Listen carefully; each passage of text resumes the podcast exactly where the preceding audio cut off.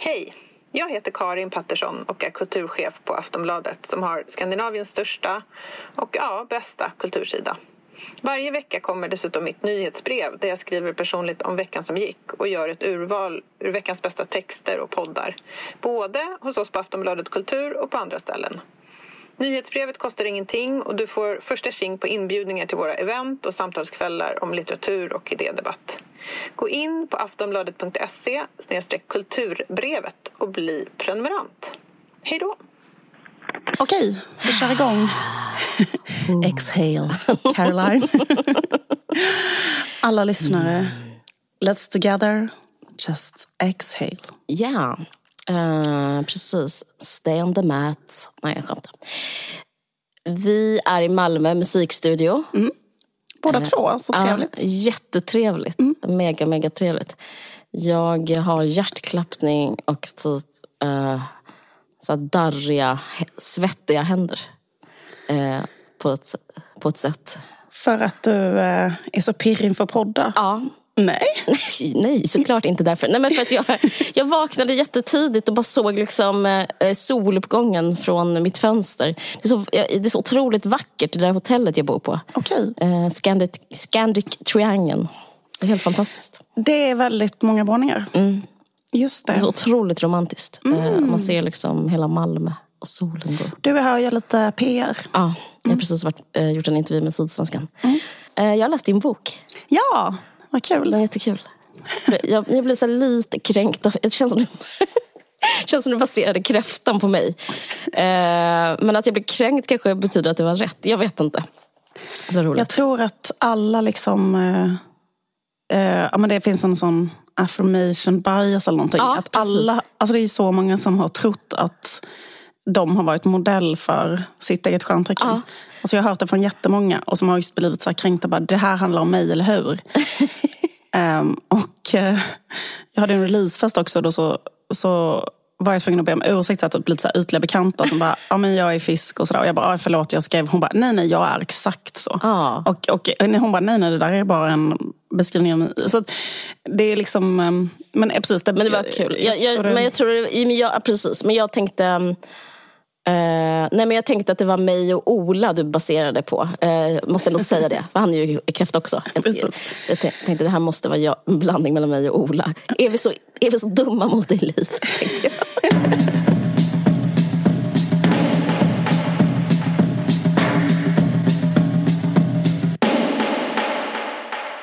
jag läste en eh, bok som pratar lite om liksom svara lite på frågan så här, varför man skriver. Mm.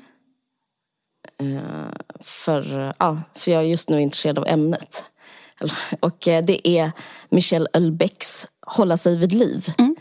Och det jag tänkte göra jag känner mig så osäker på allting nu. Men jag bara, det jag tänkte göra, så jag bara gör det, det är att läsa upp den är väldigt kort, jag ska inte läsa hela boken. Läsa upp typ du skulle så kunna läsa hela boken. Jag älskar också den här boken. Det är en av mina favoritböcker. Jag, men mm. det är liksom, men det är liksom, jag tänkte också på det i podden idag. Att så här, skulle också bara kunna läsa upp eh, Hålla sig vid liv.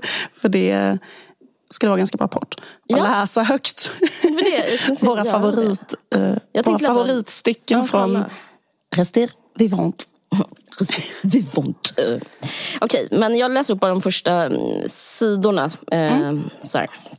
Det är då kanske roligt att veta för det, var, det är eh, från Michel Houellebecqs debut, debutår. Han gav ut tre böcker det året.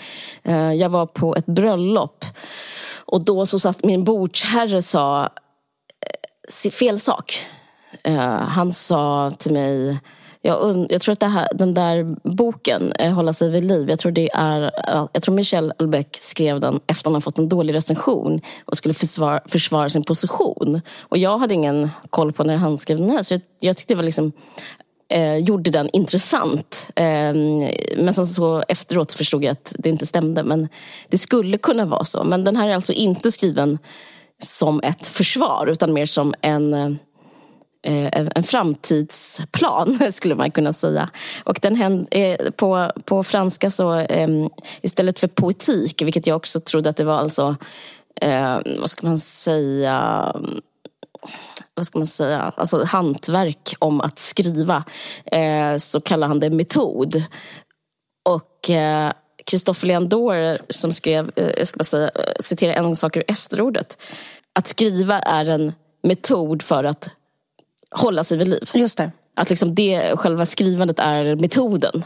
Eh, och det, det är ju romantiskt av Albeck får man säga. Det är, han är så romantisk. Ja. Nej men det är ju typ en självhjälpsbok. Ja. Eh, så den handlar ju liksom, och jag tycker det är romantiskt och eh, också liksom att den är på något sätt riktad till alla. Den är liksom riktad till mm. mänskligheten och svaret är att Alltså att det är så här, livet är lidande och svaret är att man ska skriva och inte ta livet av sig utan man måste försöka hålla sig vid liv. Och det kan man göra genom att skriva. Men den är riktad till alla så det är som att alla ska skriva. Eller hur? Ja. Så det tycker jag också är så fint. Det, är liksom inte, det har inte den här liksom anslaget att eh, vissa är eh, eh, liksom poeter och de behöver skriva och så. Utan det är så bara, det är liksom en allmän uppmaning. Ja, nu ska jag läsa. Så här börjar det. Världen är ett utbrett lidande. Vid dess ursprung finns en knut av lidande. Varje existens är expansion och sammanbrott. Allting lider, in i minsta del av sitt väsen. Intet skälver av smärta innan det övergår till vara i en motbjudande paroxysm. Varelserna förändras och blir mer komplexa utan att förlora något av sin första natur. Vid en viss medvetandenivå uppstår skriket. Poesin härrör därifrån, det artikulerade språket likaså. Det första poetiska steget består i att återvända till ursprunget, det vill säga lidandet. Lidandets former är viktiga, men inte avgörande. Allt lidande är gott. Allt lidande är nyttigt. Allt lidande bär frukt. Allt lidande är ett eget universum. Sen hoppar jag lite. Ni kommer inte att kunna förvandla lidandet till ett syfte. Lidandet är kursiverat och kan följ, följaktligen inte bli ett syfte. När det gäller de skador det tillfogar oss växlar livet mellan det brutala och det försåtliga. Ja. Det, det, jag tänkte läsa länge men jag tror det är för jobbigt att lyssna på. Men, ja, så det handlar om att det goda Nej, inte det goda. Det handlar om lidandet som ursprunget till poesi. Att, att smärta är liksom själva litteraturens existensberättigande och utgångspunkt. Och eh, han skriver, du har ju själv läst den, han skriver liksom om det på olika sätt och han pratar om att vissa saker är väldigt roliga. Till exempel så här, du får inte hålla på med aktivism, du blir, då blir du bara lycklig. Jag vet, jag har eh, skrivit... Jag har ja, läs upp det om du har det. Upp det ja. um, anslut er inte till någonting. Eller anslut er och begå sedan genast förräderi. Ingen teoretisk tillhörighet får uppehålla er särskilt länge. Aktivism gör en lycklig och det är inget ni behöver eftersträva. Ni står på olyckans sida. Ni är den mörka delen. Mm. Jag, tycker, jag tycker också det här var bra. Jag tycker det här var ett bra så här, självhjälpsråd. Vänta. Mm. Försumma ingenting som kan... För, eller, mm. så här, han menar ju att uh, allt är lidande. Mm. Och det finns inget... Liksom att det är inbyggt i systemet. Mm. Han skriver så här... Om världen består av lidande är det för att den till sitt väsen är fri. Lidandet är den ofrånkomliga konsekvensen av det fria spelet mellan systemets olika delar. Um, det här är så himla abstrakt men jag tycker bara att det här, slår an någonting. Liksom att världen är, alltså hela världen är typ fri. Mm. Och det betyder att så här, vem som helst kan typ dö när som helst. Den artar ut, någonting uppstår, mm. någonting slår ner. Någonting, liksom, ingenting går att... Det är liksom bara en... en ett, det är en bra, bra beskrivning av hur, hur världen är. Att det finns ett fritt spel mellan systemets olika delar. Så det går liksom inte att... Eh, liksom, I det lider man. Mm. Så, här.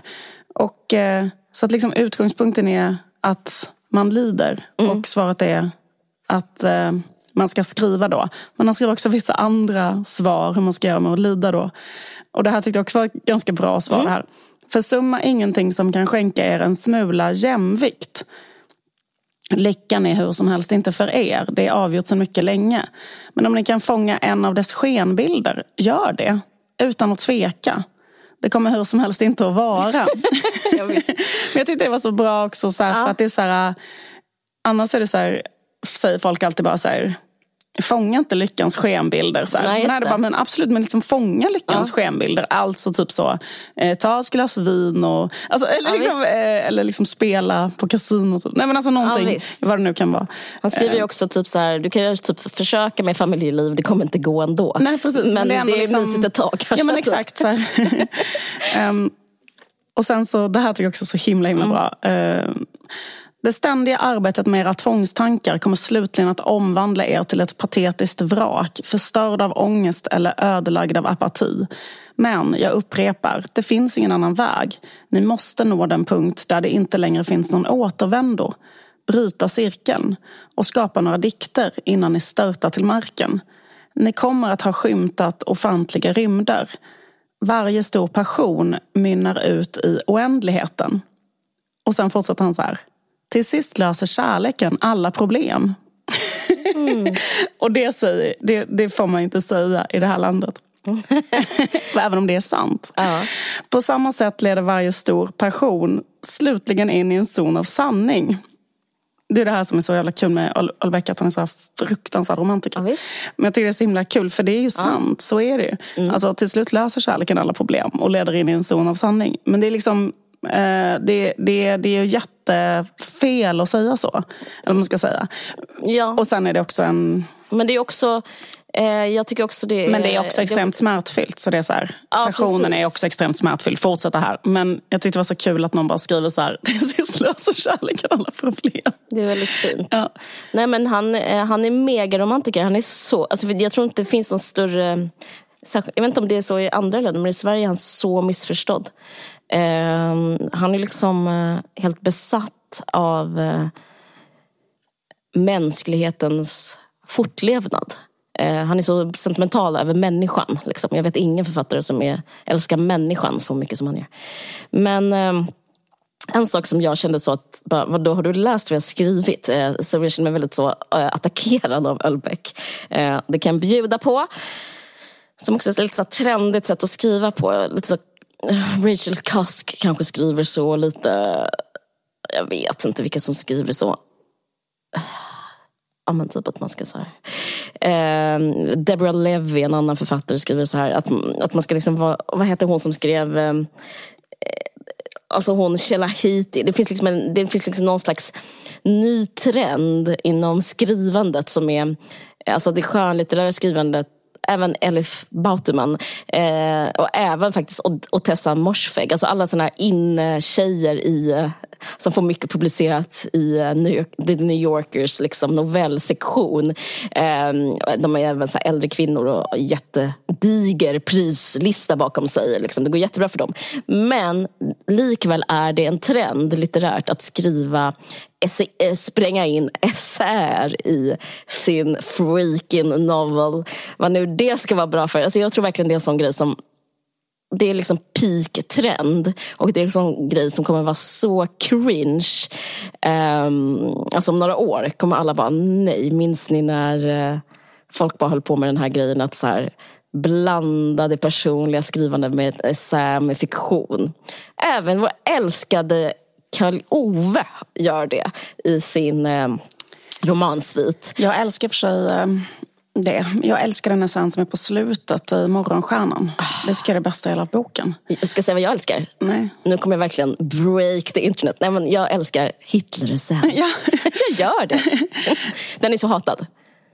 Precis, men jag, eh, exakt. Och, och jag hörde också folk som hatade den där sista essän i Morgonstjärnan. Jag tyckte den var så jävla, jävla bra. Mm.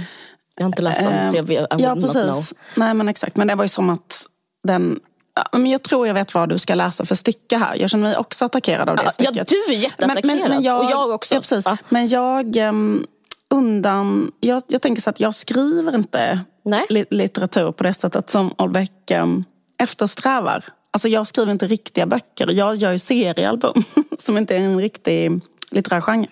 Nej men det jag tycker om det. Ja. Ska, du, ska vi inte läsa? Jo, men jag ska bara säga, okay, jag ska bara säga klart. Mm. Det jag tycker om det är att eh, alltså det här med att jag känner mig attackerad och att jag läser det är att jag försöker vara som man skriver i boken. Jag försöker möta smärtan. Alltså att inte möta smärtan är ju att säga det är lugnt, det är inte jag, jag känner inte igen mig.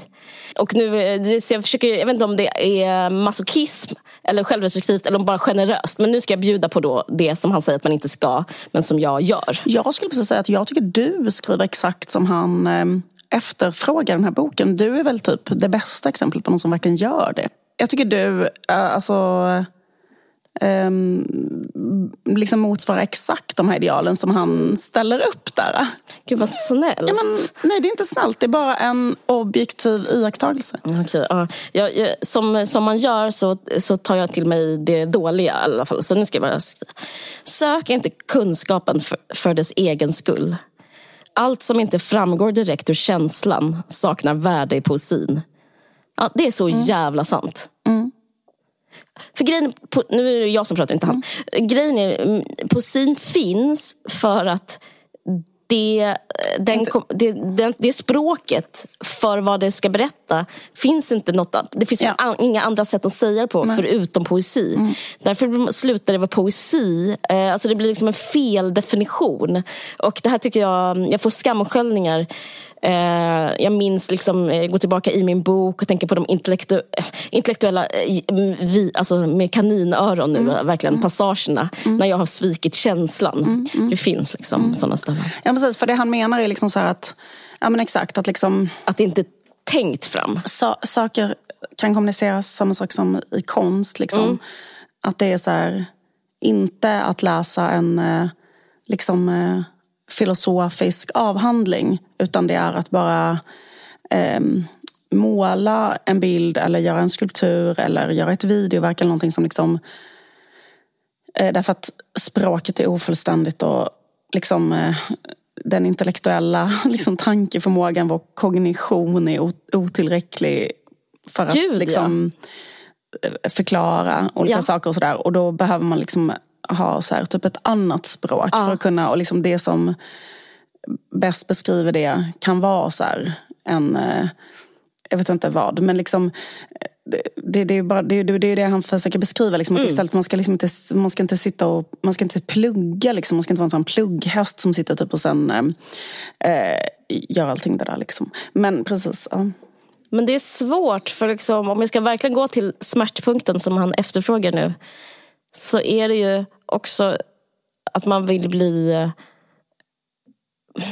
Man vill göra försäkringar i sin text. Det är därför. Precis. Man vill bli ja. omtyckt och man vill bli älskad och man vill inte bli utstött. För det han begär, som han har rätt, en bra konstnär måste offra den önskan att, bli, att inte bli utstött. Mm. Um, men det är så himla stark mänsklig drivkraft att vilja vara inne, inne ja. i, och eh, bara vilja bli omtyckt. Precis. Så det är liksom ett, faktiskt ett svårt problem som eh, skrivande människa tycker jag. Mm.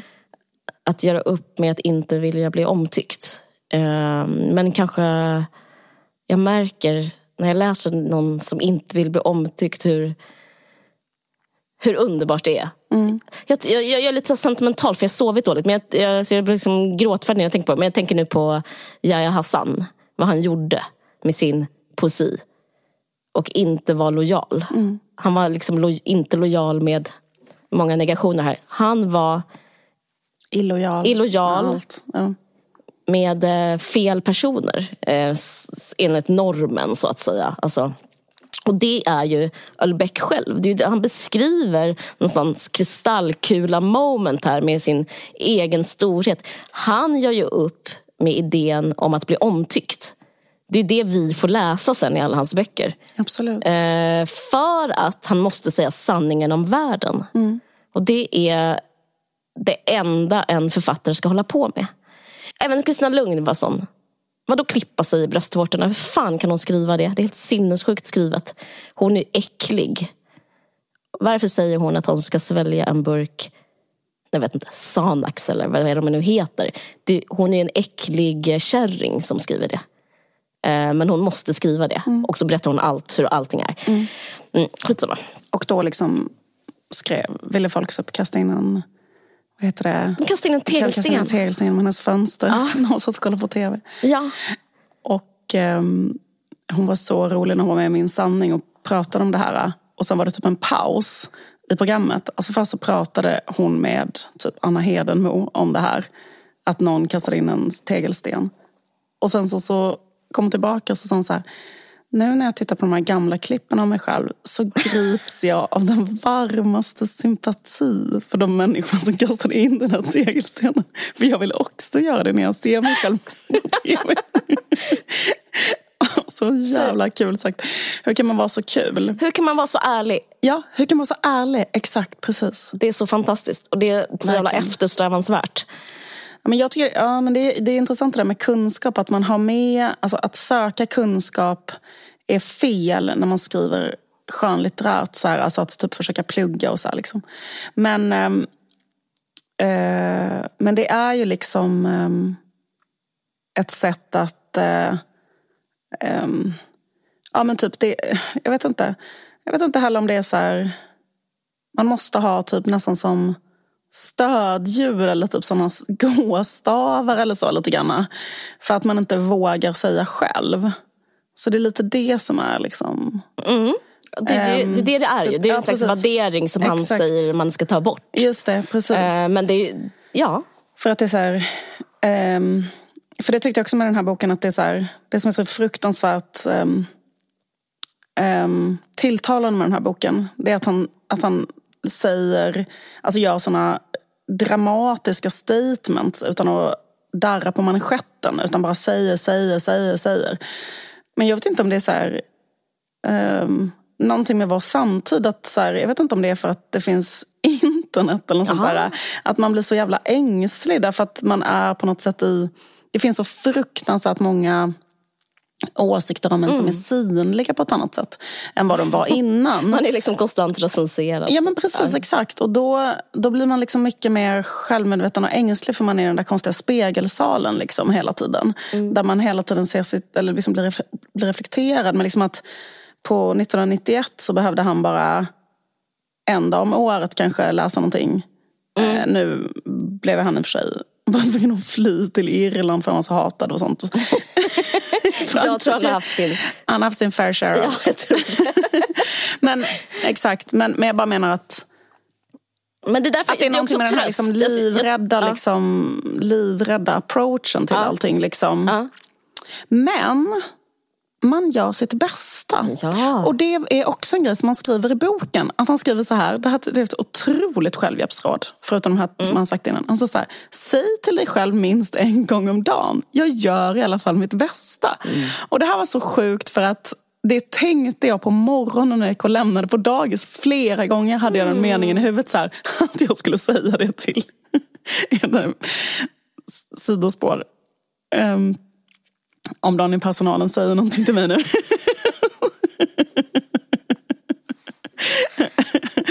så ska jag säga så här, vet du vad, jag gör mitt bästa. Typ så här, och, um, och, eller liksom att, att den mm. grejen, jag gör, jag gör faktiskt mitt bästa. Mm. Um, och, uh, och sen så gick jag hem och så läste jag i den här boken då, för att du hade sagt att du ville prata om den. Och då uh, och då stod det där, säg till dig själv minst en gång om dagen, jag gör i alla fall mitt bästa. Och det tänker jag så med, med den där grejen att, att vara rädd när man skriver, att ha stödhjul hela tiden och så. Då är det så här, det är så här modig jag mm. klarar av att vara. Jag gör mitt bästa. Mm. Jag vågar inte vara modigare. Nej. Men jag, jag vågar i alla fall göra något. Ja, jag, menar, jag är i alla fall ute och går med de här fucking gåstråna. Men liksom, jag rör på mig. Jag sitter i alla fall inte hemma. Liksom. Och det är så här, jag, jag, tror det är det också som är fint, tycker jag, i den här boken. Att det är så förlåtande på det ja. sättet. Att det är så här, um, ja. ja. Nu ska jag bara läsa det här då. Som jag tyckte säg, sa något 30 år innan den här trenden. Som jag bara tycker var spännande inom parentes då. Känslan måste naturligtvis förstås i vid mening. Vissa känslor är inte vare sig angenäma eller oangenäma. Det är vanliga fallet med känslan av främlingskap. Känslan upphäver kausaliteten. Endast den kan varsebli tingen i sig. Att förmedla denna varseblivning är poesins mål. Denna överensstämmelse mellan filosofins och poesins mål är källan till hemliga samförstånd som förbinder dem. Detta samförstånd yttrar sig inte främst i skrivandet av filosofiska dikter. Poesin måste upptäcka verkligheten längs sina egna, helt och hållet intuitiva vägar. Utan att filtreras via en intellektuell rekonstruktion av världen. Och det är det alla då gör. Som mm. gör. Och än mindre yttrar sig samförståndet genom en filosofi i poetisk form. Det är faktiskt ännu värre. Det tycker jag är ett större brott. Alltså en, en filosofi i poetisk form. Mm. Eh, en, en eh, en eh, poesi i filosofisk form. Skitsamma. Eh, vilken oftast inte blir mer än ett uselt taskspeleri. Ja, han håller med. Men det är alltid bland poeterna som en ny filosofi finner sina mest seriösa, uppmärksamma och kreativa läsare. På samma sätt finns det vissa filosofer som förmår urskilja, bringa i dagen och göra bruk av de sanningar som ligger dolda i poesin. Ja, så det finns ju en växelverkan som är viktig. I nästan samma grad som den direkta kontemplationen och betydligt mer än tidigare filosofier skänker poesin de stoff för nya framställningar av världen. Mm. Det, här, det, här, det var här som jag... Jag ska läsa en mening till, sen är jag klar. Och det är det här. Respektera filosoferna. Imitera dem inte. Er rutt är olyckligtvis en annan. Uh, ja. Mm skrivarlinje. Ja, precis. Eller liksom vad det nu är. Det är liksom um, exakt. Det där med att... Um, men jag tänkte, jag tänkte också på det, bara för att um, vi har inte pratat om det än i podden. Men uh, Ann Gärdelund, uh, den svenska poeten Ann mm. Gärdelund, mm. kom ut med en i maj så samlades eh, hennes dikter i en volym som är över tusen sidor lång och den heter Dikter mm. 1985 till 2019. Men då, för att jag kommer ihåg, eh, både du och jag äh, läste Ann Gärdelund när mm. vi var tonåringar och älskade hennes dikter väldigt mycket. Men hon var ju så föremål för en debatt som hette så här, obegriplighetsdebatten eller något sånt där. Va? Vad spännande, ja, det visste inte jag. Jo, men det var typ en debatt i DN som var så att en recensent skrev så om hennes dikter. Jag vet inte om vi kan hitta någon av hennes dikter så vi kan läsa hur hennes dikter är. Um... Så här, vad hjälper det en människa om hon häller rent vatten över sig alla sina dagar? det är en diktsamling som heter så. Mm. och det är också en dikt har jag för mig. Eh, jag vet att den här eh, typ obegriplighetsdebatten eller vad den nu kallas, mm. den, eh, den ehm, var tror jag apropå en diktsamling som hon skrivit som heter Som en gång varit äng. Just det. Och då var det att någon anklagade hennes dikter för att vara för eh, obegripliga. Nu när jag försöker leta upp något exempel så är inte de obegripliga de jag hittar här. Vem var det som Men, sa det? Ja, exakt. ja, det var 1988 i alla fall när den kom, kom mm. ut, hennes andra. Och då var det så här... Eh... Jag ska säga att vi inte var tonåringar då. Nej, precis. Ja. Eh, men, men då var det så att, den, att hon kritiserades för att eh, man inte förstod hennes dikter. Och sen så gick ehm, typ Åsa Bäckman in och var så här, det är för att hon är kvinna, förlåt, men då, det var därför som hon fick kritik menade hon och sen blev det en sån debatt kring manligt och kvinnligt språk och sådär. Som faktiskt Ann Gärdelund tror jag själv har liksom motsatt sig och sagt att hon inte alls tyckte att hon blev så här förfördelad för att hon var kvinna. Men, ähm, men exakt, men grejen är att det det är, äh, är ju det här som vi pratar om nu. Liksom, att Eh, hon i sina dikter så beskriver hon någonting som inte går att beskriva med så här ett eh, filosofiskt språk eller med ett eh, typ eh, kunskaps, liksom, vetenskapligt språk eller bara eh, ett, eh, ett prosaspråk där man mm. berättar någonting så här. Liksom. Mm. Utan hon beskriver mänskliga känslor och erfarenheter Mm. med ett annat språk som är det här liksom eh, fragmentariska eh, som inte Den är så här då, intuitiva. intuitiva känslan i saker. Liksom. Eh, och det är det han skriver att man liksom inte förstår. Men grejen är att man förstår det. liksom. eh, man förstår det eh, fast på ett annat sätt än vad man förstår någonting annat. Det här är väldigt basic. Nej, men det är, jag, tycker, jag tycker om att du säger det ändå. Eh, Ja. Det är typ inte så basic. För jag tror nästan att när jag har haft mest behov av poesi, när jag varit helt besatt av poesi, som just när jag var tonåring. Just att då har man så jävla mycket känslor som är så helt fruktansvärda. Och eh, sliter i en 24-7. Liksom. Det kan det fortsätta göra hela livet, men speciellt då är det påtagligt på ett nytt sätt. Liksom. Och ehm, då just att man eh, läser poesi då, när man liksom hittar så bra poesi så känner man sig så direkt speglad och förstådd utan att överhuvudtaget förstå vad som står. Och så känner jag med, med, med så mycket poesi på den tiden. Att man som hittar någonting eh, där det är olika ord som liksom eh, absolut inte kunna förklara hur eller varför detta talar till mig. Eller skulle inte kunna prata med någon om det eller på något sätt. Men det är liksom när man läser det så känner man sig eh, som att någon berättar om en själv. Eller att man känner sig speglad då. Det är det här du pratar om. Mm. Ja, men jag läser en här nu, bara för att ge ett exempel hur Ann Gärdelunds dikter är.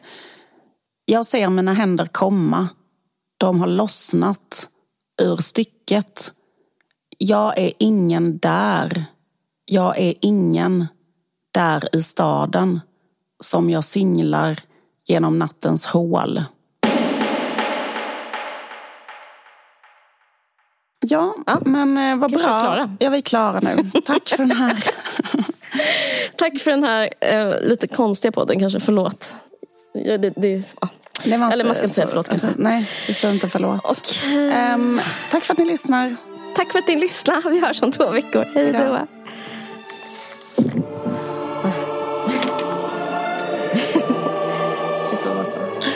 Blir jättebra. Mm, toppen. Jag tyckte, jag tyckte det var så kul att höra det.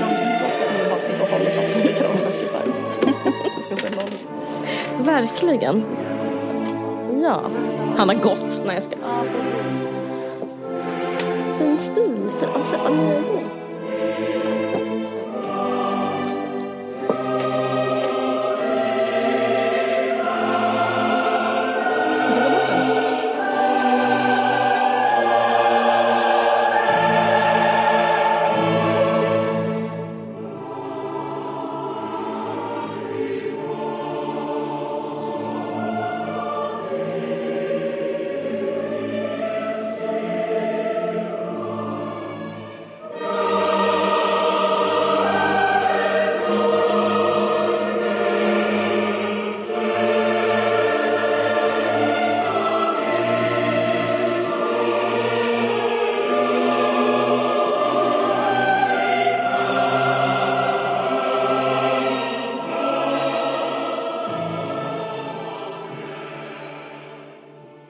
lyssnat på en podcast från Aftonbladet.